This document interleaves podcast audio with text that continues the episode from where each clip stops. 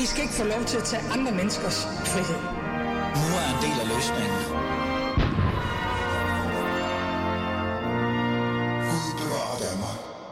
Ja, præcis. Som altid, velkommen til. Du lytter til Alis Fæderland, og mit navn er Ali, Amin Ali, og Gud skal dele med altid bevare Danmark. Og en anden ting, de reelt set burde tage sig sammen med bevare, det er i hvert fald det emne, vi skal tage op i dag. Lad mig bare komme i gang med at forklare, hvad det er. Forholdene på dansk erhvervsuddannelser i dag er en sørgelig forfatning. Værktøjet og maskiner på skolerne er så gamle og slidte, at eleverne selv er nødt til at medbringe deres egne værktøjer. Undervisningen eller underviserne har faglige efterslæb, og så er der stadig mangel på lærepladser. Nu har eleverne på erhvervsuddannelserne fået nok og startet et lærlingeoprør. De vil have politikerne til at afsætte penge til faguddannelserne, som de mener er blevet underprioriteret i overvis. Velkommen i studiet begge to. Lad mig starte med dig, Karl Emil Lind Christensen, eller Christiansen hedder du så. Er det Christensen? Er det Christensen? Ja, ja det er Christensen, ikke? Karl Emil Lind Christensen, du er formand for Metal Ungdom. Det er derfor, jeg lige starter med dig, for så kan vi lige få det på plads også. Men du er jo netop også øh, lærling og initiativ- initiativtager til det her. Mm. Øh, du har en anden med, som jeg øh, ikke rigtig kender ordentligt nu, men ham glæder mig til at lære at kende. Lad mig også bare sige pænt goddag til dig. Øh. Julius.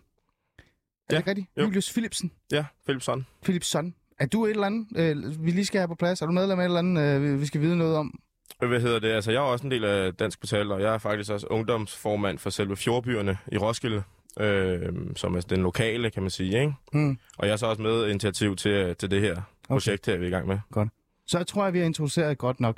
Men Karl Emil og Julius, I er jo i studiet, fordi at jeg øh, faldt over den her øh, artikel, eller det her øh, interview og artikel og, og andet, der også øh, kom i politikken omkring, at det står virkelig, virkelig skidt til i jeres område. Øhm, Karl Emil, lad os starte med dig. Øhm, det er jo et billede af dig. Hmm. Øh, og jeg kunne også øh, læse, at du havde fået rigtig travlt. Det var også det, der ringede til dig og sagde, hey Karl, skal vi lige sætte fokus på det, så Ali på? Jeg er virkelig travlt lige nu. Øhm, bare til at starte med, hvor galt står det egentlig til? Altså, hvor, hvor, hvor skørt er det på nuværende tidspunkt? Altså, der, der er rigtig mange skoler, der er dygtige til at, øh, til at få ny teknologi ind og følge med. Men der er desværre også lommer af Erhvervsskole Danmark, hvor at lærerne ikke har været på arbejdsmarkedet i, i over 20 år, og øh, det, det, det, det teknologi, der, der står der, har, har heller ikke rigtig været noget, man bruger i virksomhederne. Der er ligesom to, to verdener, når du står i lære. Ikke? Hmm. Der er den øh, ude i virksomhederne, hvor den teknologiske udvikling aldrig er gået hurtigere. Og så er der den ude på skolerne, hvor at, altså, det meget værktøjet godt kan være slidt, og, og maskinerne kan være fra sovjettiden, eller sådan noget, Tjekoslovakiet, eller noget den du. Hold det kæft. Okay, øh, hvis vi lige skal forstå sådan reelt set, hvad det, øh, hvad det er for et område, som I kommer fra. Lad os lige få det med. Øh, hvad, når man siger, I er lærling, hvor er I lærling henne i verden, Karl? Bare lige. Jeg står i lære i Rødovre som industritekniker. Hmm. Det er sådan en moderne maskinarbejder, der lærer at programmere drejebænker og fræser til at lave emner i, i metal, messing og kov og plastik. Okay. Julius?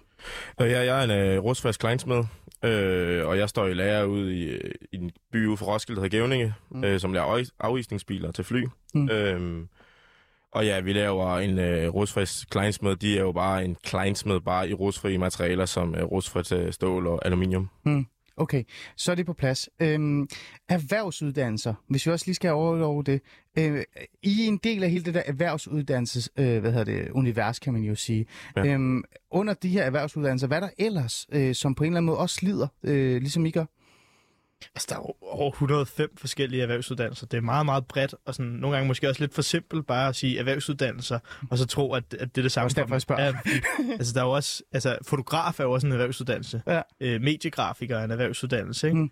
Kontorelev, blinkenslager, tømrer, Ja. ja. industritekniker, smed, altså, Frisør. ja, frisør også. Mm. Mm. Men det her lærlingeoprør er ligesom en bred skare af de forskellige øh, uddannelser, der er. Der er både blinkenslager og, og Mm. kontorelever, der også har kommet med beretninger og, og deltaget i de her øh, ja, interviews, der har været rundt omkring.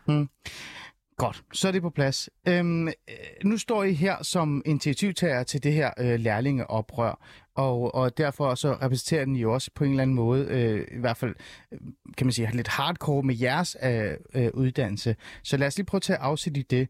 Jeg spurgte her til at starte med, øh, hvis vi skal kigge ned i, jeres hverdag, øh, hvordan ser det egentlig ud, øh, øh, Julius? Altså, min hverdag lige nu, det er jeg til svendeprøve faktisk. Det, jeg er kommet direkte fra svendeprøve herhen, øh, hvor vi er i gang med at bygge nu vores aller sidste øh, projekt. Øh, der er nemlig to projekter, vi skal igennem. Hmm. Jeg går på EUX, så er der også en anden mundtlig øh, eksamen, man skal op til som det sidste, men øh, det er det aller sidste, det her. Jeg skal aflevere på torsdag. Så øh, tiden er ved at være knap, og det er derfor, det er, jeg lige kunne knive det her ind, for jeg, for jeg synes, jeg kommer godt med. Hmm. Øhm, man må jo, altså på en eller anden måde, sådan, hvis man lytter til, hvad I siger, og det her lærlingeoprør, og det I beretter om, så må det da være svært at gå til svendeprøve, når alt er, ser så skidt ud, og værktøjerne ikke virker, osv. osv. Jo, men det er også det, vi- jeg bøvler meget med, jo. for eksempel, som, som øh, der er blevet nævnt på gange, den historie med en valse, for eksempel, som, øh, som er sådan en, der, der, hvis du, der tager en plade, og så der kringler den rundt til en, øh, til en, til en rund plade, altså til, man kan sige, så det bliver til et rør til sidst. Ja. Og øh, når man rostfri smed, så er det meget i finessearbejde og sådan noget, men det giver mærker øh, i pladen, fordi der er så mange mærker i selve valsen. Øh, og det giver jo et, et dårligere øh, stykke, altså færdigarbejdet øh, stykke med materiale eller plade, og det trækker jo så ned til selve eksamen, kan man sige, eller til svendeprøven. Okay, men, men øh, altså, nu spørger jeg dig meget ærligt, ikke? Øh, gør det her øh, problem, som er, at, at tingene ikke rigtig er opdateret, at du ikke har det rigtige værktøj og sådan noget, gør det sandsynligheden for, at du for eksempel fejler til en svendeprøve øh, større? Jeg ved, det gør nok, at jeg ikke er fejler. Altså, jeg dumper ikke, men det kan give en, en, altså et overordnet blik på, at det ser værre ud. Altså, for eksempel, man siger meget, at når skuemester han kommer ind, så er det meget sådan... Det første indtryk, der, der, der, der er vigtigt, kan man sige, ikke? at det står sådan, hvor man siger, wow. Øh, og hvis der så står mange mærker og sådan noget, så kan man allerede sige, at hans førstehåndsindtryk til at starte med allerede er, er, er faldende. Ikke? Mm, okay, så det kan faktisk godt have konsekvenser Det kan dig. det godt, men man siger også, at hvis det er samme forhold for alle på skolen, så tæller det for det samme, men det er bare ikke samme forhold på alle skoler, kan man sige. Nej. For skuemesteren er ude på mange skoler, og vi er jo kun på den samme skole. Ja. Øh, så man kan godt sige, at, at, jo, at det burde jo trække ned, fordi det er, står hvad kan man sige, grimmere og ikke lige så pænt. Ikke? Mm, ja. Karin, hvad med din hverdag? Øh, hvor kan du mærke det? Øh, nu får vi jo konkret øh, eksempel på det fra Julius. Hvad med dig? Jeg tager selv mine værktøjer med på skolen, fordi at de værktøjer, der er ude på skolen, simpelthen er for slidt. Der er for mange, der har brugt dem inden mig. Så hvis man vil have den rigtige finish, så, øh, så bliver man nødt til selv at have det med. Og så køber skolen også lidt for billigt værktøj ind. Øh, det er sådan nogle fræser, vi bruger, som vi bruger til sådan at tage mat, altså jern af. Vi laver Mm. nogle fiksturer i jern, ja. hvor det er, vi spænder ligesom jernet fast, og så kommer der en fræser ned og drejer rundt og skærer øh, jernet væk. Eller fræser det væk, siger vi, ikke? Mm. Og der er det, hvis det er for billige fræser, så bliver de for hurtigt slidt, og så kan man ikke få den helt rigtige finish. Og ude der, hvor jeg arbejder, der laver vi ting til medicinalindustrien og fødevareindustrien, og der skal bare være overfladekrav, altså på, der virkelig er fine, for ellers så sætter der sig jo fedt og alt muligt Mm. øh, på hospitalet. Og derfor så er det bare sådan to forskellige øh, verdener, så jeg får lov at tage værktøj med fra virksomheden, men det er jo ikke alle, der er så, så heldige, kan man sige. Øhm, hvor, altså, ja, Julius, så Jeg vil bare sige, det der med, at du tager værktøj med, det er faktisk... øh, Jeg tager også selv værktøj med. Jeg har også et stort værktøjsbord med. Og jeg ved, der- at der, nu ser jeg på skolen, der er mange, der tager deres eget værktøj med. Fordi at hvis man er et privilegeret firma, som gider at give det øh, ud til deres lærling, og gider bruge penge på det, fordi det er mange, mange tusind kroner, øh, altså ja. Bliver givet ud, øh, så er det jo sådan lidt synd for de andre. Og jeg ved, altså et problem for mig, det er tit, at folk kommer og låner, og det er fair nok. Men det kan ikke passe, at jeg skal tage mit eget med, og så kan jeg jo sådan set præstere bedre, fordi jeg har alt værktøj lige ved hånden, Mm. stort set. Og det har de andre lærlinge, ikke? De skal øh, låne enten af mig, hvis jeg ikke bruger det, eller så skal de bruge af en tom tavle, tavle arbejdstavle. Mm. Så det andet problem er også, at ja. så, så hvis der er gode værktøjer på skolen, så, så er der jo også nogen, der tager dem. Så, så de ligger jo aldrig på deres plads. Øh, så man skal virkelig bruge meget... Det, det er jo nærmest det er sådan en kamp for overlevelse. Ja, jamen, altså, jeg, jeg, jeg, Ja. jeg, jeg bruger da i hvert fald nogle gange lidt meget tid på sådan lige finde den rigtige holder, eller øh, det rigtige måleudstyr, som er kalibreret. Ja. Ja. Altså, fordi det, nogle af de andre beretninger, der er kommet, det har også meget handlet om måleudstyr, mm. der ikke har været fuldstændig kalibreret, eller været det samme, som vi møder ude i virksomhederne. Ja. Øh, eller så har det været, øh, så har det været maskiner, der var de samme som dengang far var i lærer, ikke? Mm. Altså, det, det, det er bare, det, det, vi ligesom, det siger vi ligesom, nu, nu må politikerne, ligesom, og journalister, det er jo fedt, at du inviterer os ind i dag, Ja. men ligesom få opmærksomhed på det her, fordi hvis det var gymnasierne, der var lige så ikke velholdt, så var der jo ramaskrig. Altså, du kan bare se, hvad, hvad den der elevfordeling, øh, der er kaos. får, Ja, ja, der den, kan- den får opmærksomhed, ikke? Ja, jo. Der gik præcis syv dage af det her lærlingeoprør, og så var det mere interessant, at at hvad er det, 90, der får deres første prioritet nu, og det er også 90, der får deres første prioritet, når det her det er færdigt. Ja.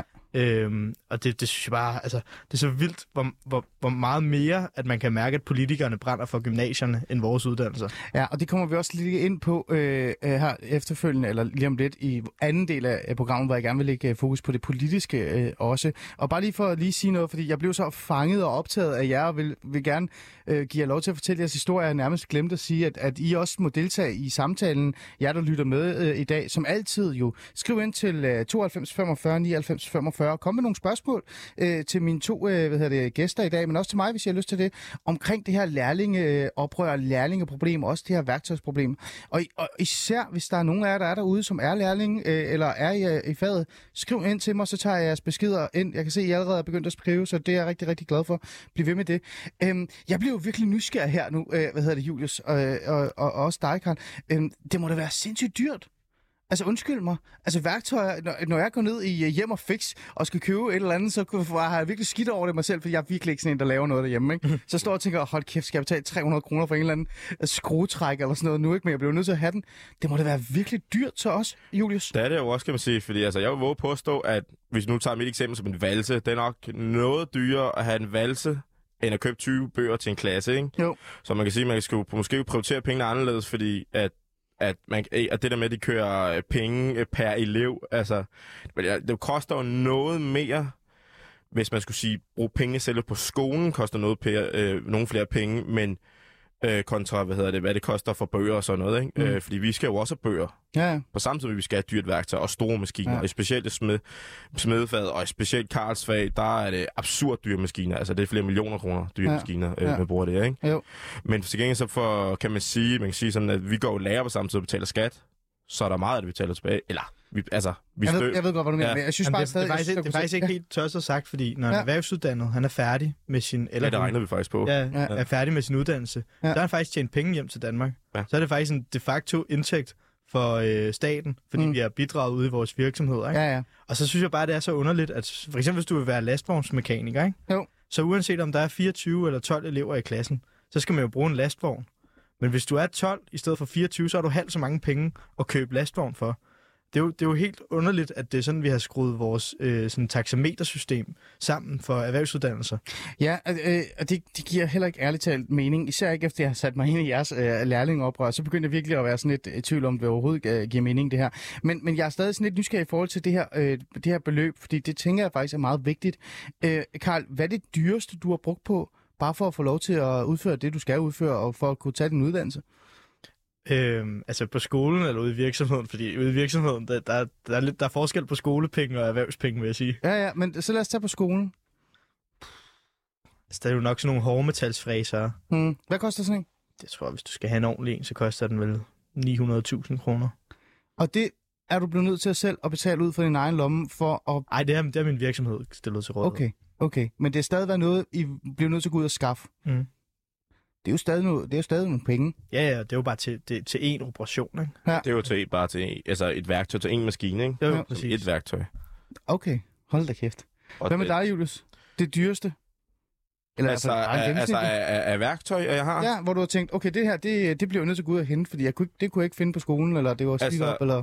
Altså, hvad hedder det? Jeg har både, for skolen af har jeg både en hånd, øh, boremaskine, en øh, vinkelsliber, og en, og så kan man, det, hvad det hedder, en slibemaskine. Det er sådan en, øh, mm.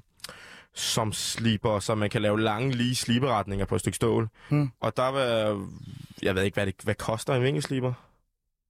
Et år, er er det en Makita? Begge to Makita? Mm. Hvad koster det over Et gæt. 2.000?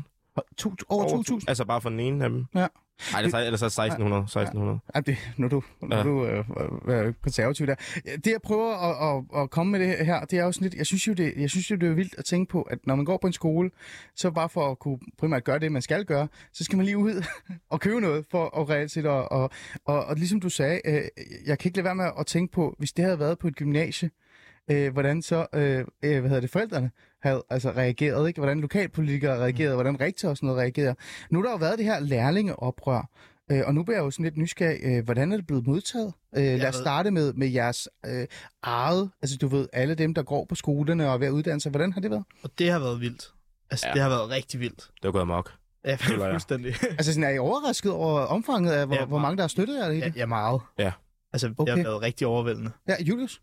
Ja, altså jeg føler hele tiden, jeg ser, nu er det nok også fordi, at jeg selv er meget på, altså hvad hedder det, skriver om det på sociale medier, men jeg føler, at det kommer op på sociale medier hele tiden. Ja. Altså på min, Ja. specielt. Hvad med øh, folk, du kender, der er inden for øh, området, eller ved at læse? Sådan, er der nogen, der har taget fat i det og sagt, det er virkelig godt, I gør det her, fordi det, det, det, altså, det er værre, end man tror? Er mange, altså hele firmaet, nu er det et stort firma, så er mange fra firmaet har gjort, og mange af mine venner har gjort, og familie, og, og også lærere, altså de, er jo, de vil jo det samme jo, mm. øh, altså pengene, de synes også, det halter jo. Det var lige det, øh, Karl. Øh, øh, hvad med øh, de ansvarlige? Altså, lad os lige vente med politikerne, men hvad med skolerne og lærerne og, og, og så videre? Men alle Hvordan har har jo- deres været reaktioner? Alle har jo sagt, at vi har ret i vores analyse. Selv, mm. selv ministeren har jo erkendt, at øh, området er underprioriteret. Ja.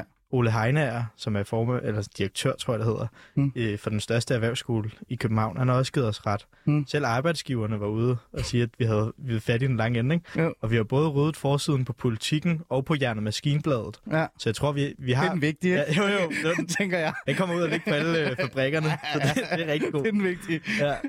Men øh, så, så tror jeg, vi, altså, vi tænker da selv, vi har sådan fat i den lange ende i hvert fald. Okay. Vi har også samlet øh, næste step, ligesom, det bliver, øh, nu mangler vi lige Københavns Kommunes godkendelse, Ja. men vi kunne godt tænke os at lave en demonstration mod uddannelsesnopperi og forbedre erhvervsuddannelser. Ja, Og det, øh, det har vi ligesom varslet til at skulle være den 24, altså om præcis en uge, den 24. maj Mm. øh, på Højbro Plads, Ja. 16.30, og der har vi ligesom fået alle de andre elever, studenterbevægelsen, hele arbejderbevægelsens ungdom og alle ungdomspartierne med på, at sådan, nu, nu kan ungdommen ligesom stå sammen om at sige, altså vi skal ligesom respektere vores erhvervsuddannelser mere, det er der brug for og sådan noget.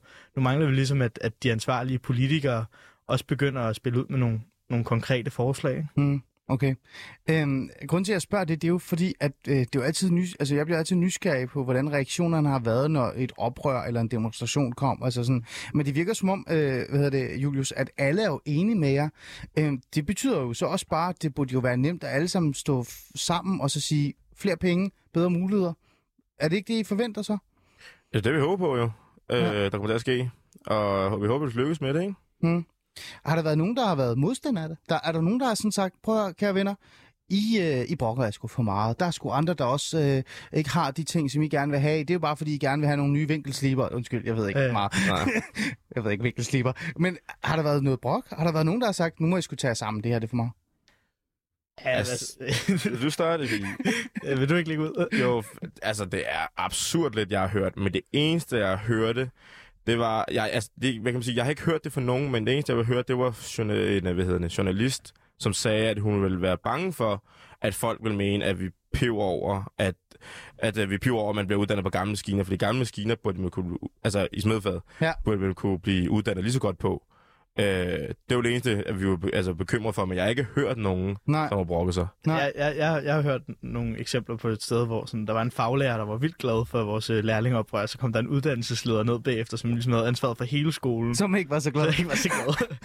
men, Okay. men det er, og det, det har også været en svær overvejelse, som, som jeg egentlig også gerne lige vil dele her. Ja, at, gerne. sådan, at, at vi har jo forsøgt at gøre det her med en stor kærlighed til vores fag og vores skoler i virkeligheden. At vi er vildt stolte over vores uddannelse, men gerne vil have, at samfundet er lige så stolte, som vi selv er. Og, og, og, og vores opgave har ligesom været at prøve at sætte fokus på et problem, uden at snakke vores skoler og fag ned over gulvbrædderne. Hmm. Altså fordi vi vil faktisk gerne tale det at være industritekniker eller smed op, og gerne have flere vælgere en erhvervsuddannelse. Men vi siger bare samtidig, at hvis man vil derhen, hvor at, øh, vi ikke skal stå og mangle 100.000 i 2030, så er vejen derhen også gennem investeringer i maskiner og nogle lækre skoler. Mm. Ja, for vi vil gerne være med til at gøre det attraktivt. Altså, Mm. fordi, altså, Mm. der er jo mange af de der, hvad hedder det, hvad hedder det fordomme om det, ikke? Og så hvis vi gør det mere attraktivt, er lækre maskiner, og dem, der er på uddannelsen i forvejen, altså, taler det op og, og synes, det er fedt og sådan noget, så håber vi jo, der kan komme flere. Og for, vi, som sagt, vi mangler også sindssygt mange. Jeg kan bare selv se som smed, øh, jeg er klar mange skilt, jeg har set, hvor det, der står et stort skilt ude foran deres øh, fabrik, eller ved fabrik, hvad hedder det, firma, Mm. hvor der står søger smed. Mm. Øh, for eksempel, ikke? Og så, mm. det er jo for at gøre det attraktivt, vi også vil gøre Mm. det. Mm. For det er fedt. Føler I lidt, at, øh, at det her lærlingeoprør er øh, ekstremt vigtigt, fordi vi, vi netop skal, eller I netop gerne vil have fokus på, at man har de rigtige vilkår, og man reelt set også kan få lov til at gøre det arbejde, man gerne vil, øh, så man også kan uddanne sig. Øh, men at det også handler om, at vi står på altså et sted i en situation, hvor hvis vi ikke handler nu, så bliver erhvervsuddannelserne nærmest sådan, øh, altså sådan, øh, ja, jeg ved ikke, hvad jeg skal sige, slået i stykker, øh, fordi man netop har glemt det her område så meget. At det her lærlingeoprør kommer 10 år for sent. Altså for 10 år siden, 20 år. der øh, ja, 20 år måske. Altså der havde idé, altså politikerne jo en eller anden fantastisk idé om, at vi skulle have et produktionsløst videnssamfund. At ja. alle skulle have så lange uddannelser som overhovedet muligt. Og så fandt man bare ud af, at uden håndværkere, så kunne man ligesom ikke udvikle. Og det er der sådan ligesom flere grunde til, ikke? For det første, så hænger Danmarks økonomi kun sammen, fordi at dygtige håndværkere går på arbejde hver dag, producerer ting, vi sælger dyrt til udlandet. Så hvis man går op i økonomi, så er det en god idé at investere i vores erhvervsuddannelser. For det andet, så er det helt vitalt for den grønne omstilling, at der er folk til at lægge fjernvarmerør, rejse vindmøller, trække kabler i elektrificeringen. Så hvis ikke man får investeret ordentligt i vores erhvervsuddannelser, hvem er det så, der skal montere alle de her grønne teknologier, som politikerne går og snakker om? Og for det tredje, så er erhvervsuddannelserne også den type uddannelse, der løfter allerflest fra hjem, hvor mor og far ikke har en uddannelse. Hmm. Det er jo ikke universiteterne, der er en social løftestang i det her samfundet. Det er jo faktisk ude på vores skoler, hvor at der er nogle af gutterne, hvis mor og far måske er på kontanthjælp, eller øh, ja, ikke har de bedste vilkår hjemmefra. Og ja. der bliver de jo sådan set løftet. Altså, der er faktisk mange af min klasse, der er kommet ind med både nakke første dag fra produktionsskolen, og virkelig har flere nederlag end sejre i folkeskolen, ikke? Mm. Mm. og går ud med rank ryg, selvtillid og et svendebrev i hånden på den anden side. Ikke? Altså det her, det er også en slags myndiggørelse, og det vil vi faktisk gerne have noget anerkendelse af. Mm. Vi synes, at, at politikere og journalister har behandlet vores erhvervsuddannelser som andenrangsuddannelser, og det er vi døde trætte af, fordi vi løfter ret mange vigtige opgaver. Og jeg vil lige nævne Ja, gerne, nummer Julius. fire, altså, altså, og håndværkerne er dem, der hiver mange penge hjem til Danmark jo. Mm. Altså, fordi der er også der, mange af dem, øh, der er i produktionen, de sælger jo meget ud af Danmark jo. Så Mm det er jo også en rimelig vigtig ting, der spiller ind, ikke? Jo, øh, og det er jo lige præcis en af de der ting, som jeg også synes er, er meget interessant i hele den her debat omkring øh, altså sådan uddannelse og hvordan vi kan have fokus på de rigtige uddannelser. Jeg er jo selv øh, uddannet øh, socialrådgiver og har arbejdet øh, som socialrådgiver i fem, fem år, så vidt jeg kan huske. Øh, og, øh, og jeg har jo siddet i de der situationer, hvor jeg har siddet sammen med øh, unge, øh, som øh, virkelig har været øh, haft det svært i livet, har været igennem rigtig meget og haft nogle, nogle svære vilkår derhjemme, og ikke bare lige kunne se sig selv i gymnasiet, eller ikke lige kunne se sig selv øh, i de her høje uddannelser, som, øh, hvor man skulle sidde og fortælle dem om, at der er jo erhvervsuddannelser, der er grunduddannelser og alle de her ting. Øh, og det har været svært for mig at gøre det, fordi jeg netop øh, bliver mødt af den her øh, fordom, øh, eller den her idé om, at, at det der, det er, jo, øh, det er jo overhovedet ikke et sted, jeg skal gå, det er jo et forfærdeligt sted. Øh, er der noget socialt ansvar i det her også, øh, Julius? Øh, altså, at ved at investere, godt tage dig, Karl, ved at investere i, i erhvervsuddannelse, ved at reelt set og reelt tale dem op, men, er- men også give penge til det, så de kan virke, som de skal virke. Er der også en social investering i det her? Er Ja. det det, vi kommer ind på her, øh, som du også kommer ind på? Altså det her, det er også en kulturel kamp, ikke? Om at vi sådan skal ikke se erhvervsuddannelserne som værende mindre værd end andre. Mm. Mm. Så det her, det handler også om, at dem du har øh, ja, hjulpet som socialrådgiver, er jo lige så meget værd som alle andre, og fortjener lige så meget gode uddannelser. Så det er jo en social investering, og det er jo også en myndiggørelse af de unge mennesker, at de så får noget, altså et, et- et fundament i deres liv. Men, men vi siger så også bare, at erhvervsuddannelserne skal jo ikke kun være for folk, der har det svært, for det skal jo også være for 12-talselever. Mm. Altså, og det skal også være dem, der klarer sig godt. Det skal ikke være sådan, at man får at vide, at man er for klog til en erhvervsuddannelse, eller har for godt et snit. Det skaber også sådan en diskurs. Erhvervsuddannelserne skal ligesom, altså ligesom at det er for gymnasierne. Gymnasierne er for alle. Det skal Mm. mm. erhvervsuddannelserne jo også være. Julius, er der noget her? Øh, ja, men jeg kan for eksempel give et eksempel på det der med, at du siger, at det, at det skal ikke være, altså det der med, at man ikke må tale ned, at man får klog til en erhvervsuddannelse. Vi kender jo flere, altså mange af vores venner, de er jo tidligere universitetsstuderende, som har, hvad, hvad har de, jeg kan ikke huske, hvad de har læst, men altså på ret højt plan har de, har de læst, og simpelthen synes, altså det, det der med at sidde stille og sådan noget, det er jo ikke øh, det mest, det er ikke, der er ikke alle, der synes, det er fedeste og sådan noget, men det er det, selvom de har været, altså big brain, 12-tals Mm, ja. mennesker i boglige fag, Ja. ja. så hvad hedder det, så er de stadig synes, at, øh, at Mm. mm. håndværk er pissefedt. Okay.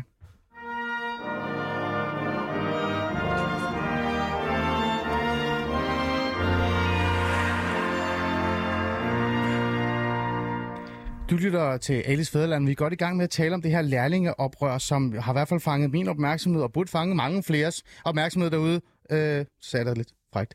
Øh, jeg har to øh, vigtige mennesker i studiet, synes jeg selv. Øh, Karl Emil Lind, øh, Christian, Christensen, der står Christiansen her, jeg skal slette det bagefter. Karl Emil Lind Christensen og Julius øh, Philipsen i studiet. I er initiativtager til det her lærlingeoprør. Karl Emil, du er også formand for Mental Ungdom, så har vi sagt det. Julius, du er Julius. Det er godt nok. Og det vi har brugt de sidste øh, 25 minutter på, det er at tale om, hvorfor er det, det er så vigtigt med det her lærlingeoprør? Hvad er det egentlig reelt set, det betyder for jer? Hvorfor øh, har vi ikke nogen værktøjer, som vi reelt set kan bruge, og hvor meget koster det? Øh, og også i, her til sidst, om det også er en social investering i det her. Og jeg synes, vi, er, øh, vi har i hvert fald været gode til at, at dække den del, øh, vil jeg i hvert fald mene. Og til jer lytter, øh, tak fordi I stadig skriver. Jeg tager spørgsmålene lige om lidt. Jeg har sat øh, lidt tid af til at gøre det, så vi kan gøre det ordentligt. Det jeg så gerne vil gøre her i anden del af, af programmet, det er den politiske øh, altså, øh, det politiske, kan man sige, krav for jer, ikke? Altså det her med, at politikerne skal tage ansvar og gøre noget ved det. Øhm, Karl Emil, jeg kunne jo ikke lade være med at, at kigge lidt tilbage på, hvornår det sidst øh, har været en snak omkring, omkring de her erhvervsuddannelser. Øh, der var jo en snak om det for et par år siden. Der var en del øh, partier, der gik sammen og sagde, at nu skal de løfte det her område. Øh, jeg tror, det er 6-7 år siden. Øh, er der bare ikke sket noget i den tid? Jo, der er sket meget. Man har blandt andet øh, man har arbejdet med lærepladser for eksempel. Øh, det kom der en stor trepartsaftale omkring. Og det har også ført til, at der er rekordmange lærepladser lige nu. Øh, men det har jo ikke noget med forholdene på skolen at gøre. Og de værktøjer, vi har der, og lærernes kompetencer, de mangler et, øh, et, et, et løft. Og der, der kunne vi godt tænke os, at, øh, at politikerne var lidt mere sådan konkrete. Altså, der er kommet mange flotte paroler og støtteerklæringer. Og sådan, virkelig mange. Ja. Virkelig mange. Men, men hvis du også lægger mærke til det, så er der jo ikke nogen, der sådan er ude og foreslå noget som helst konkret. Hmm. Nej. Altså, de giver os bare ret, og ja. så, så, så bliver vi købt af med det. Hmm. Så nu, nu har vi jo også prøvet at stille et borgerforslag. Præcis. Ja. Øh, lad Julius lige få lov til at forklare det. Øh, har du lyst til det? Øh, det her borgerforslag, I har fremlagt, øh, nu giver du det et go, ikke? Du skal også have taletid, ellers tager Karl Emil tager det bare for meget. I er jo kommet med et øh, borgerforslag, hvor I øh, får politikerne til, i hvert fald formålet er, at få politikerne til at øh, give en bevilling på 2,5 milliarder kroner til erhvervsuddannelserne. Øh, det her borgerforslag, lad mig bare lige spørge sådan lidt, er det sådan et, et, et bevis på, at I tænker, nu gider vi ikke at vente på politikerne længere, nu kommer vi med jeres, vores eget forslag? Ja, det kan man godt se jo. Det er jo vores, fordi der er gået så længe med, at, øh, at, at vi, vi synes, vi mangler penge, så er jo ligesom bare taget det i egen hånd, og så sagt, nu er det ved at være tid, og så er det nu vil vi gerne have det, for at vi kan gøre det mere attraktivt. Hmm. Øh, Karl Emil, det her 2,5 øh, millioner, I så, eller 2,5 milliarder, som I så gerne vil gå efter den her bevilling, øh, det er jo øh, fra jer. Hvor kommer det tal fra? Det, øh, vi regnede baglæns. Vi så på, hvor meget Venstre-regeringen havde sparet i omprioriteringsbidraget. Det var 2 milliarder. Smart. Og så, øh, så sagde vi, så skal der også en investering. Og det fandt vi ud af, at det var, det var 0,8 promille af Danmarks BNP, de havde sparet på erhvervsuddannelserne. Okay. Og så er vi jo, øh, så er vi jo sådan nogle idealistiske fagforeningsdrenge, ikke? Så, så rundede vi op til en promille. Fordi hvis man gerne vil have en 10'er, så bærer man om en 20'er. Og så, øh, så øh, har vi ligesom sagt, altså der, er, der er jo nogen, der har synes, at det har været sådan lige til den høje side, ikke? Altså, så tror jeg bare, at vores pointe er, det dyre eller værd. Altså, prisen for at mangle faglærte, den er meget højere end 2,5. Er meget dyr. Ja. Øh, og så en, en, en, anden, en anden pointe er også, at når man kigger på, hvor meget vi, vi bidrager til Danmarks BNP, mm. øh, så... Kan du huske, hvad det er? Hvor meget det er? Øh, det er cirka 50 procent øh, af Danmarks BNP, der kommer fra den eksporterende industri i Danmark. Det er meget. Ja, det er faktisk hele det økonomiske fundament for velfærdsstaten. Ja. Så det kan også undre mig, at der ikke er flere, der sådan går mere op i det her, for hvis man kigger ned i tallene, så er det jo store produktionsvirksomheder, der sender ting til udlandet, som er det, der får det hele til at løbe rundt. Ikke? Mm, ja. øhm, nu det her jeres forsøg på at, at, at, at et eller andet sted komme med en reelt, øh, et forslag, en beslutningsforslag. I skal have 50.000 underskrifter. Lad os sige, hvor meget er I oppe på lige nu? Øh, jeg, jeg har ikke lige tjekket her til morgen, men Nej. jeg tror, at vi ligger på sådan noget lige, lige små 4.000. Okay, ja. det, det skal vi have gjort noget ved. Ja. Det skal jeg nok hjælpe med. Ja. Det vil jeg gerne i Alice Fæderland prøve at hjælpe med. Det jeg tror, nok... en, en nuancering af det der tal, ja. der er, ikke? vi ved jo godt, at der ikke er 2,5 milliarder ja. sådan her og nu. Men det er også et bud på at sige, okay, så må vi jo lave sådan en plan frem mod 2030, mm. hvor vi siger, så øremærker vi de penge, og så skal de komme løbende, for du kan jo heller ikke bare købe alt muligt ny teknologi, og så have lærere, der ikke er sådan undervist i den. Nej, nej, nej, nej. Du ved, der, der bliver nødt til at være flere sådan øh, aspekter af det der, ikke? Mm. Og, og det er jo det, jeg er jo lidt nysgerrig omkring, det er, hvad skal de bruge 2,5 milliarder øh, skal bruges til, Julius? Øh, det er jo øh, erhvervsskolerne, vil jeg mene. Mange af dem skal bruges til altså, bedre bygninger, lokaler og værktøjer, og der er jo rigtig mange erhvervsfag. Altså, så hvis, var det 105 Ja, noget af den stil. Ja, øh, og der kan man se, at hvis de alle sammen skal have nogle penge, så er der jo lige pludselig mange penge, der skal bruges øh, på at forbedre de forskellige, ikke? Mm. Øh, så Ja. det vil jeg mene. Ja, øh, og, og, det, og det vil jeg jo også gerne undersøge lidt. Altså det her med, øh, hvad er det så politikerne gerne vil gøre øh, i virkeligheden? Og hvad synes de om jeres øh, forslag? Jeg har øh, prøvet at række ud til de to partier, som jeg synes var de vigtigste partier at række ud til lige pt. lige nu, fordi at jeg, som jeg lige sagde her, jeg vil faktisk gerne hjælpe jer med at sætte et fokus på det her, så vi kommer til at lave et par andre afsnit om det også. Men jeg sad sådan tilbage og tænkte, øh, øh, det her, det er jo også noget, politikerne skal forholde sig til. Så jeg prøvede at ringe til Socialdemokratiet, prøvede at ringe dem op, prøvede at ringe dem op igen. Hvordan gik det? Jeg prøvede at ringe dem op igen, okay. Skrev en sms, prøvede at ringe dem op igen. Og der er ikke rigtig øh, nogen, der tager telefonen lige nu i hvert fald. Jeg kan i hvert fald fortælle, at øh, hvad hedder det, uddannelsesordføreren, øh, jeg, jeg kan ikke engang huske, hvad han hedder nu. Han hedder Jens Jol. Øh, ja, øh, men, Han men, ligner Martin Brygman. nej, men der er også en anden en. Der er også en, der hedder Kasper. Jeg har i hvert fald prøvet at komme i kontakt med, med, med Socialdemokratiet. Det har ikke rigtig været muligt. Jeg har i hvert fald ikke hørt tilbage fra dem. Det kan jo være, at de har travlt. Jamen, der er jo noget med den der elevfordeling på gymnasierne, der, der ja. er eksploderet, øh, ikke? men altså, det der med, det er, at, øh, og det skal de have lov til, fordi jeg tænker, det kommer vi til at følge op på. Øh, så det, jeg, synes, jeg synes ikke rigtigt, vi skal kritisere dem så meget endnu. Lad os Ja. lige vente med det. Ja. Men så ringede jeg til øh, Socialistisk Folkeparti. Hmm. For jeg tænkte, det må også være et parti, der går op i det her. Og i stedet for at ringe op til øh, ordføreren i den, så tænkte jeg, at jeg skal da ringe op til en person, der giver mening. Øh, så jeg ringede Carsten Hønge op. Carsten Hynge er gruppeformand for, for hvad hedder det, Socialistisk Folkeparti. Jeg kalder ham for SF, det er, eller Socialistisk Folkeparti, men det hedder jo SF. Og, og han har jo faktisk været øh, selv i jeres erhverv. Han, han gør meget ud af det. Øh, at Ja, nu har han været det. tømrer, ikke? Han har været tømrer, ja. Jo. Men han er stadig erhvervsuddannelserne, Hold ikke? Øh, ned. skal du ikke være så ondt ved ham, ikke? Skal du opføre dig ordentligt. Øh, og han var jo en af dem, der lavede det her støtteerklæring. Øh, og så vidt jeg kan huske, det siger han også i, i mit interview med ham, så, øh, så gik han så langt, han faktisk fandt hans gamle øh, billede af hans svendeprøve, tror jeg, lagde det op og sagde, I har fuldstændig ret. Mm. 100 procent. Jeg støtter jer 100 procent. Der skal gøres noget her. Så jeg tænkte, øh, Carsten hvad er det, der skal gøres? Så prøv at lytte med, og så trykker vi på den her knap, og så hører vi, hvad er det egentlig, Carsten Hønge synes om alt det her. Hvis de gider at komme. Det er jo det, en af de smukke ting ved det. Ej, der er helt stille. Øhm, det er da lidt interessant. Vi prøver lige igen her lige om lidt. Jeg prøver lige at få styr på det her. Jeg ringede i hvert fald til Carsten Hønge, og, og, og jeg talte med ham om det i, øh, i hvert fald 10 minutter, så jeg håber virkelig, vi kan få lov til at høre det. Men det jeg i hvert fald lagde mærke til med Carsten øh, kort, mens vi lige får styr på det her maskineri, det er, han var jo meget enig med jer, som du sagde. Du sagde det der med, at alle politikere har været enige om, at det her, det er, der er noget galt, ikke? og det skal gøres. Og han gjorde også meget ud af at sige, at han faktisk havde savnet det her oprør det her lærlingeoprør var virkelig noget, der var, der var sådan savnet. Øhm, og han roste. Øh, men da jeg så spurgte ham, hvad skal politikerne gøre, så var han sådan lidt en lille smule, jamen det er jo alle partier, der skal være en del af det her, og det, der skal også være øh, fokus på det, og vi skal finde det rigtige beløb. Så jeg har fuld støtte omkring det. Øh, og mens jeg lige leger med det her teknik, så var der noget andet, jeg også talte med ham om, og det havde jeg lige gemt lidt, det kan vi tage nu. Øhm, vi kommer også ind på, øh, hvad med virksomhederne? For nu har vi talt meget om jer. Mm. Vi har talt meget om uddannelserne, vi har talt om skolerne, vi har også talt om øh, selve politikerne. Men hvad med virksomhederne? Kan virksomhederne ikke gøre mere her også? Jo, bestemt. Øh, invitere flere folkeskoleklasser ud i deres virksomheder, så flere får kendskab til, hvad, hvad der er af muligheder ude i virksomhederne. Man kan også tage nogen fra virksomheden ud og undervise på skolen i deres værktøjer, altså værktøjsleverandører osv. Øh, man kan gøre meget mere for sådan, altså det, det, det tror jeg, der vil være mega fedt, sådan der, hvis, hvis jeres laserskærer leverandør, Julius, ligesom kom med ud og viste sådan der mulighederne med den. Hvad mener du? Altså... Men for eksempel, sådan, øh, altså for eksempel de skærende værktøjer, vi har på, på skolen. Ikke? Altså hvis nu, at vores værktøjsleverandør kommer ud og fortalt om dem, hvordan er de rigtige skæredata og sådan Ja. noget.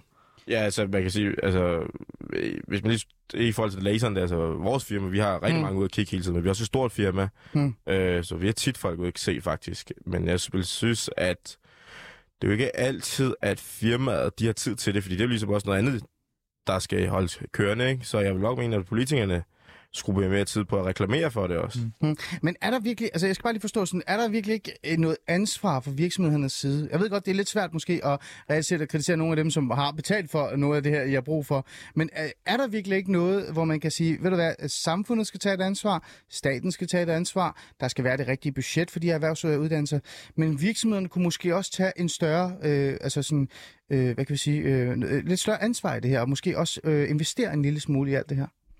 Det gør de jo også i forvejen. Altså erhvervsuddannelserne er jo finansieret af, af fagforeninger og arbejdsgivere Mm. i dag. Og det er også dem, der sidder i, i de sådan fagudvalg, der er. Under, Mm. mm. Altså det er jo virksomheden, der er med til at bestemme, hvilken retning man skal gå. For eksempel Teknik har jo faktisk nogle meget specifikke ønsker til, som er elektrikernes arbejdsgiverorganisation, nogle meget specifikke ønsker til, hvad de gerne vil i hvert fald. Dem vil jeg også meget gerne rose, fordi jeg synes, de er mega progressive og offensive på den her dagsorden. Mm. Var også i verdens lykkeligste arbejdsmarked i går med en, der hedder Tina derindefra, som gjorde det virkelig godt.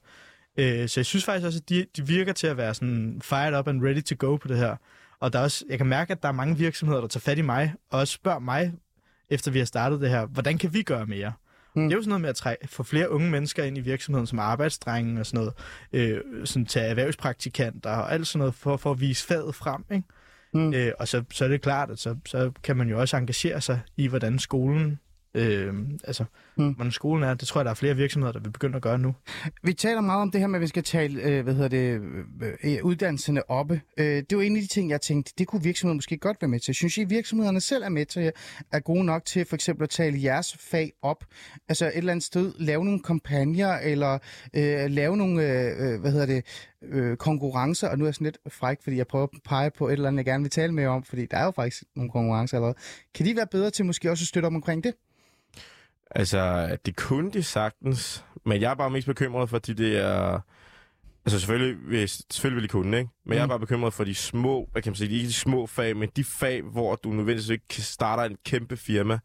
Øh, man kan sige frisør, for at tage som eksempel. Det er jo typisk ikke kæmpe firmaer med, med over 500 ansatte, der er i en frisørvirksomhed. Ikke? Mm.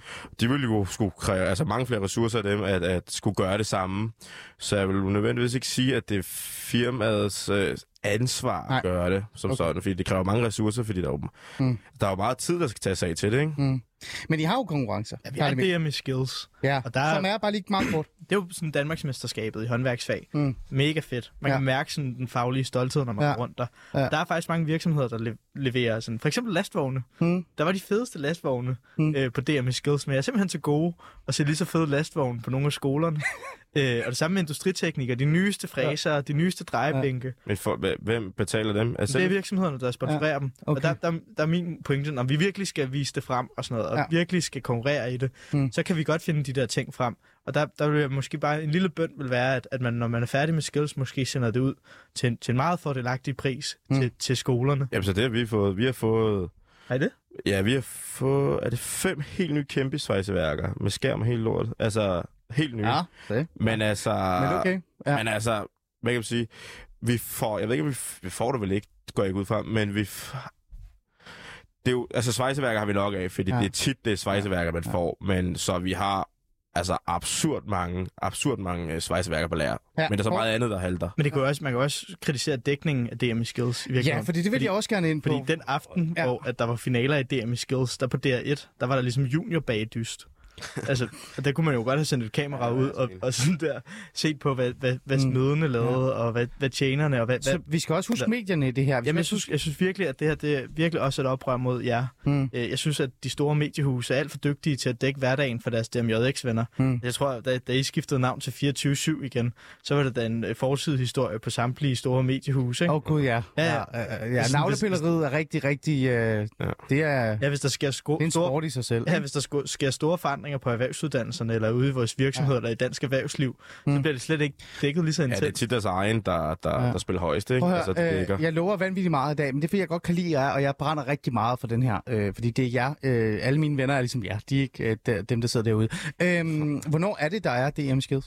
Det har der lige været Hvornår er det Øh, næste gang? øh, om et år, sådan Og der er i lang midt april. Midt Ja, det april? har lige været i Høng. Okay. Skal vi aftale her, at, øh, at næste år, der sender vi live Alice Fæderland for DM Skills? Ja, det vil jeg gerne være med 100%. til. Er I med på det? Ja. Ja, det er I vil- med på at være gæsteværter på programmet? Der er jeg så, Så prøver der er hvert så det. lærling med, faktisk. Ja, Så viser vi dig, vi viser dig rundt.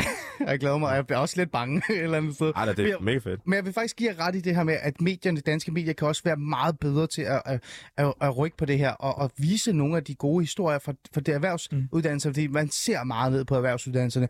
Jeg var faktisk så fræk øh, og, og tale med, eller jeg var ikke, en af mine venner var meget fræk, jeg talte med en for os fra medieverdenen, og sagde, jeg laver det her program og sådan noget, og, så, og hvis det handler om erhvervsuddannelser og sådan noget, og så begyndte han at snakke om, åh ja, erhvervsuddannelse. Ej, hver gang jeg tænker erhvervsuddannelse, så kommer jeg i tanke om de unge møder. Og det er sådan lidt, det er den der sådan øh, fordomsfulde tilgang, man fordom, går. ja. Jeg, jeg har i hvert fald ikke gjort nogen gravid endnu. Nej, Og nu skal du passe på, Carsten. Jeg tror, jeg prøver lige at gå tilbage til Carsten Hønge, for jeg vil rigtig gerne have Carsten Hønge øh, hvad hedder det, interviewet med, og det vil jeg gerne nu have med. Vi kom lige forbi det her med, med virksomheder, vi hopper lige over Carsten Hønge. Nu prøver jeg lige igen. Hvis det ikke virker, så hopper vi over til vores lytterspørgsmål. Øh, spørgsmål. jeg vil bare virkelig gerne have det til at virke. Så igen, nu prøver jeg lige igen. Jeg talte jo med Carsten Hønge, og, og så spurgte jeg ham, hvad synes han egentlig om det her nu, når han selv har en, øh, en baggrund i det? Sådan. Carsten Hønge, øh, tak fordi du vil være med. Du er, bare lige for at få det på plads, du er ikke øh, øh, undervisningsordfører eller noget, men du er politisk ordfører. Og så er du jo faktisk uddannet øh, tømmer og har arbejdet som tømmer. Er det rigtigt? Jo da, det har jeg gjort jeg i en del år. Mm. Både i Danmark og i Norge, øh, Færøerne og Grønland. Jeg elsker mit tømmerfag.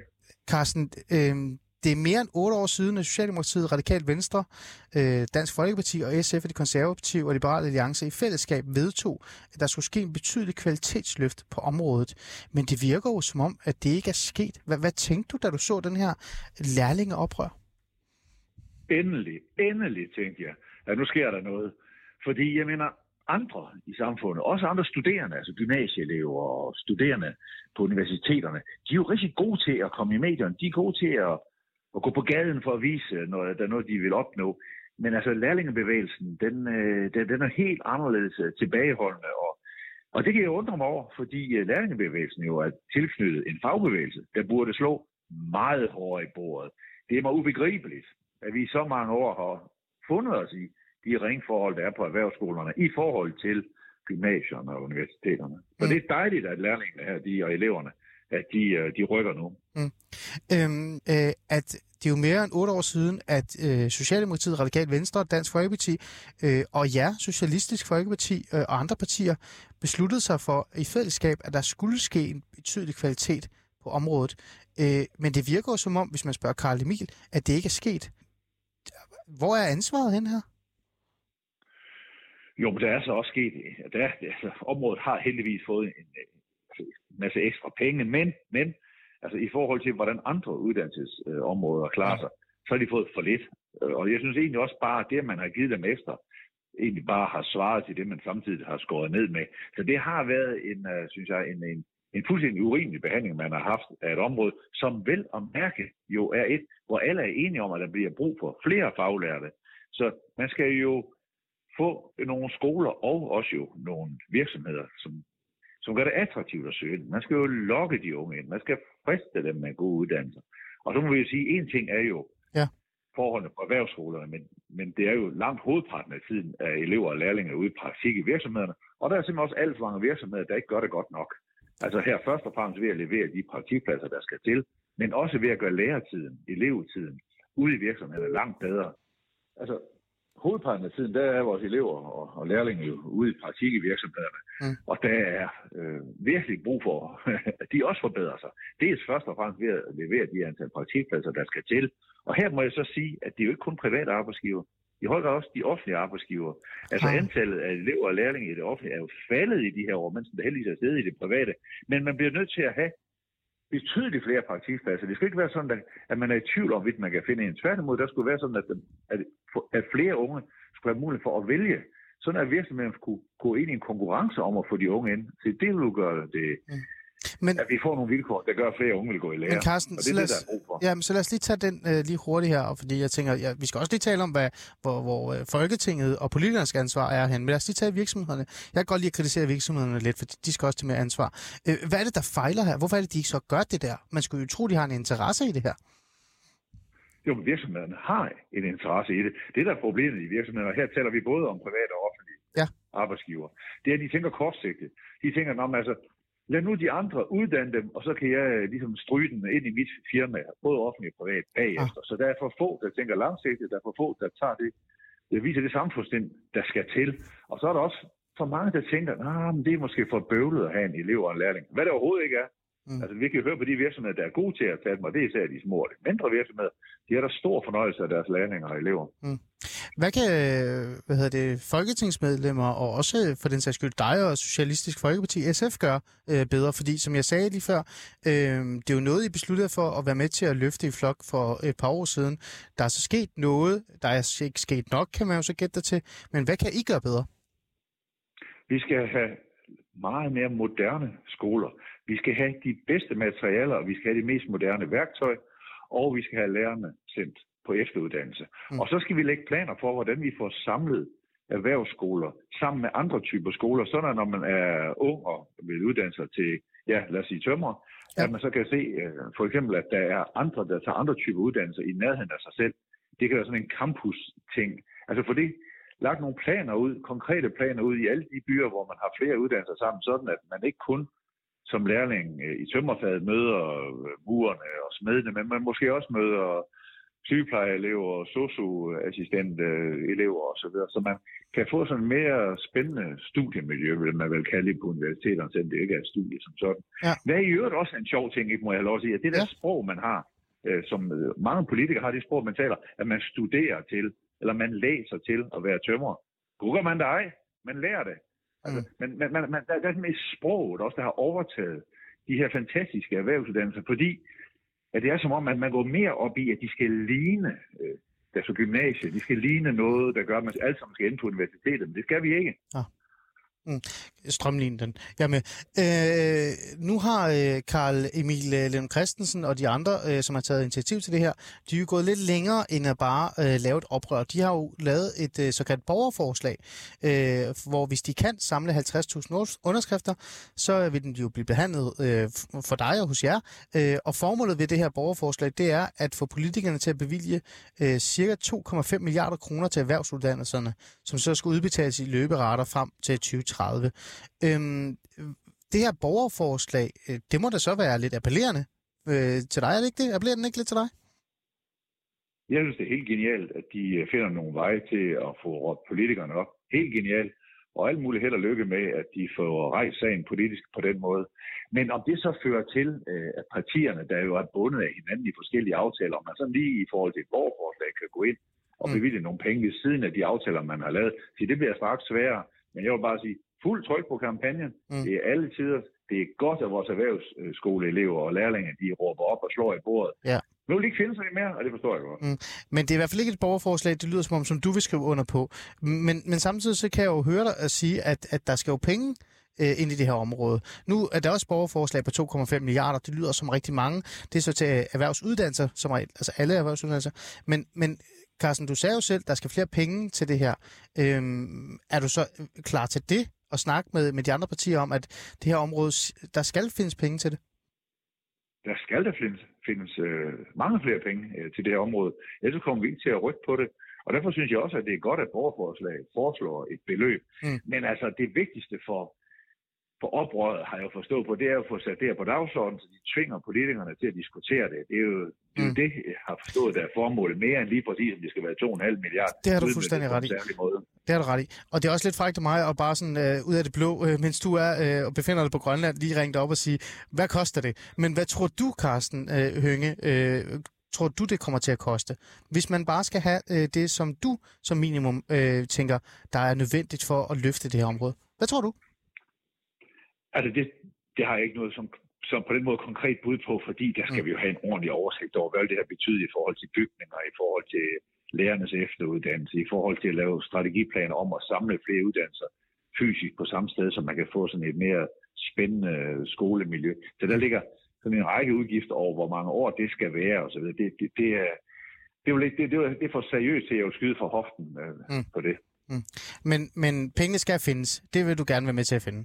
Altså finde muligheder for? Ja, det er klart. Det er klart. Erhvervsuddannelsen skal prioriteres helt anderledes, end det mm. tidligere. Godt. Her til sidst, øh, Carsten Hønge, så vil jeg lade dig være i, i det grønlandske. Øhm, det her er jo noget, du brænder for. Det ved jeg. Det var derfor, jeg ringer dig op. Det er noget, Karl Emil øh, Lind Christensen brænder for, og det gør alle de andre lærlinge også. Øhm, kommer Socialistisk Folkeparti, SF, også til at brænde for det her i den næste stykke tid, fordi de netop også ser, det her det er noget, øh, der, skal gøres, der skal gøres noget ved? Altså SF har altid brændt for det, og jeg har brændt for det personligt, lige siden jeg selv gik i kort bukser og var formand for Tømmerlærlingenes forening. Så altså, det her, det er, jo, det, det er jo en hjertesag, men det er jo også klart, at det er jo lidt sværere, når det er, at faglærte og ufaglærte i dansk politik, vi er jo ligesom sociologiens truede dyreart, ikke? Altså, der er jo ikke mange tilbage, vel? Nej. Nej. Øh, og, og, yes, når, og så samtidig, jeg synes, at der er for lidt pres på udefra, jamen så har det været svært i nogle år. Men skulle vi ikke lige tage at give håndslag på det i forhold til både lærlingeoprøret og i hvert fald de partier, der vil erhvervsuddannelserne, det, det er godt, at vi giver håndslag på, at nu skal det være anderledes. Mm. Ja, det var Carsten Hønge øh, fra Socialistisk øh, Folkeparti, øh, som øh, meget ærligt siger, hvad han tænker, øh, og virker som om, øh, Karl Emil, han er frisk på at, at, at støtte op omkring det her. Men der var noget, øh, du sådan reagerede lidt, øh, lidt over. Ja, men det var fordi, at det første konkrete, han ligesom kunne komme på, det var, at vi skulle uddanne os sammen med sygeplejersker på professionsbacheloruddannelser, og vi skulle over i gymnasiet. Det kan godt give mening, at der, der kommer nogle mere praktisk faglige øh, studieretninger på gymnasierne, men jeg tror ikke, jeg tror ikke helt, at, øh, at, at det der campus løser det hele. Det, det, det, det reagerede jeg lidt. det Du kan ikke se dig selv i et campus, eller hvad er det? det er, nu, jeg nu skal bare, du ikke det- uddannelsesnop, vel? Nej, men det er da heller ikke for at være uddannelsesnoppet. Jeg tror bare, det er da ikke bare at rykke uddannelserne rundt, der løser problemet. Altså, Nej. så skal vi rykke de der gamle maskiner øh, hen forbi et gymnasium, Mm. mm. og så tro, at det bliver bedre af den grund. Øh, Carsten Hønge, som er, nu siger det de ordentligt, for jeg sagde alt muligt mærkeligt, for jeg, jeg var i gang med at prøve at få lyden til at virke. Carsten Hønge er jo politisk ordfører for Socialistisk Folkeparti. Politisk ordfører, det siger han også selv, det har jeg også sagt, det sagde jeg også i klippet. Øh, men den her politiske ordfører for Socialistisk Folkeparti er jo enig med jer. Mm. Øh, siger, at der skal flere penge til. Det er godt, øh, at der er det her lærlingoprør. Det lyder da som om, at øh, alle er klar, men, men samtidig så kunne jeg se på dig, Julius, da du, du sagde til mig, at de er jo alle sammen klar, men de, alligevel så, så stepper de ikke op. Er Ja. det den holdning, eller den følelse, du står med? Jeg står meget med følelsen af, at der er rigtig mange, der bare siger, ja, det, altså, alle er jo enige med os, og de kan alle godt se det. Og det er jo meget, de taler, altså de, taler, de siger det, vi også siger, ikke? Øh, men der kommer ikke rigtig noget svar, nogen, øh, noget, noget hvad, hvad, hvad, vi skal gøre ved det, og så der ud af det, ikke? Mm, okay. Øh, bare for at få det på plads, øh, det var Kasper Rov øh, fra hvad hedder det, Socialdemokratiet, jeg havde ringet til. Han er øh, det, man kan kalde øh, vigtig her, fordi han er uddannelsesordfører, men han har ikke vendt tilbage. Og Kasper, vi prøver at komme i kontakt med dig igen, og så kan det være, hvis jeg også ringer Georg Sjol øh, op. Øh, her til sidst, øh, sms'erne er der jo, og, øh, og jeg tænker, at... Øh, Øhm, vi har faktisk været forbi dem alle sammen, så det er jo faktisk meget godt. Øh, tak fordi jeg sendte sms'erne. Jeg har fået jeres svar, fordi vi bare har været fanget i den her samtale. Øh, så derfor så vil jeg hellere bruge tiden her til sidst på at øh, lige have lidt fokus på jer. Hvad nu? Hvad er det næste skridt? Øh, Karl, du nævnte noget om en, en demonstration. Ja, vi har fået hele elev- og studenterbevægelsen, Arbejderbevægelsens Ungdom og Ungdomspartierne med på det her budskab. Så vi, vi laver en demo på tirsdag, og så øh, promoverer vi jo vores, vores borgerforslag i de fora, vi ligesom kommer rundt i på skolerne, Hmm. øh, for at lægge pres på øh, politikerne. Hmm. Fordi at, øh, det, det er der jo tydeligvis øh, et behov for, øh, at de bliver konkrete. De virker som om, de er klar. De mangler Ja, ja. bare en... Øh, Det kunne da være fedt, hvis Carsten også vil dele vores borgerforslag. ja. Eller det er dukke op til demonstrationen. Ja, han skal da være mere end velkommen. Så det er en invitation til Carsten Hønge, det her. Ja, det er det. Ja. Julius, øh, hvad tænker du? Øh, du er jo selvfølgelig med i det her. Du, jeg tænker, at du er også med på demoen, medmindre du skal arbejde selvfølgelig. Det er også vigtigt. Øh, men hvad ellers? Hvad tænker du, du vil gøre her de næste stykke tid? hvad hedder det, støtte op så meget som muligt selvfølgelig, og være med på det, og hvad hedder det, sprede budskaber til alle. Altså, øh, f- nævne det, hvor det kan nævnes, og fortælle øh, så mange om det som overhovedet muligt. Dem, der ikke har hørt om, nu er der en del, jeg føler, der har hørt om, men det er meget, altså på min Mm. egen alder sådan noget, Ja. ja. men jeg føler, der er mange flere, der skal det vide. Det skal i hvert fald ud. Ja, der skal komme et pres. Ja, Ja, ja. Altså, Jeg spørger jo altid, og det er meget, meget kort, så det skal bare være ja eller nej. Jeg spørger altid mine gæster, når de kommer ind med sådan et, øh, et, svært, et svært og stærkt emne, de kæmper for. Er der håb? Øh, Karl Emil, er der håb? Ja. Punktum. Er der håb, Julius? der er penge, der kan findes. Der er penge, der kan findes. Med de ord, så siger jeg tak, fordi I vil være med. Karl Emil Lind Christensen, tak fordi du kom, formand for Metal Ungdom og initiativtager til det her. Og Julius Philipson, tak fordi I vil komme med. I har jo lovet mig, I skal være værter næste år på, på Skilsing øh, med den, mig. den holder vi. Ja. Ja. Og skal vi ikke øh, love hinanden, at vi prøver at sætte mere fokus på det her sammen? Så lad os da lave et afsnit Ja, mere. du er også inviteret til demo på tirsdag. Jamen, jeg, det kan være, at jeg kommer og sender live derfor. Det kunne være fedt. Ja, ikke? Jo. Tak for det. Og til jer lytter, tak fordi I lyttede med og sendte sms'er som altid.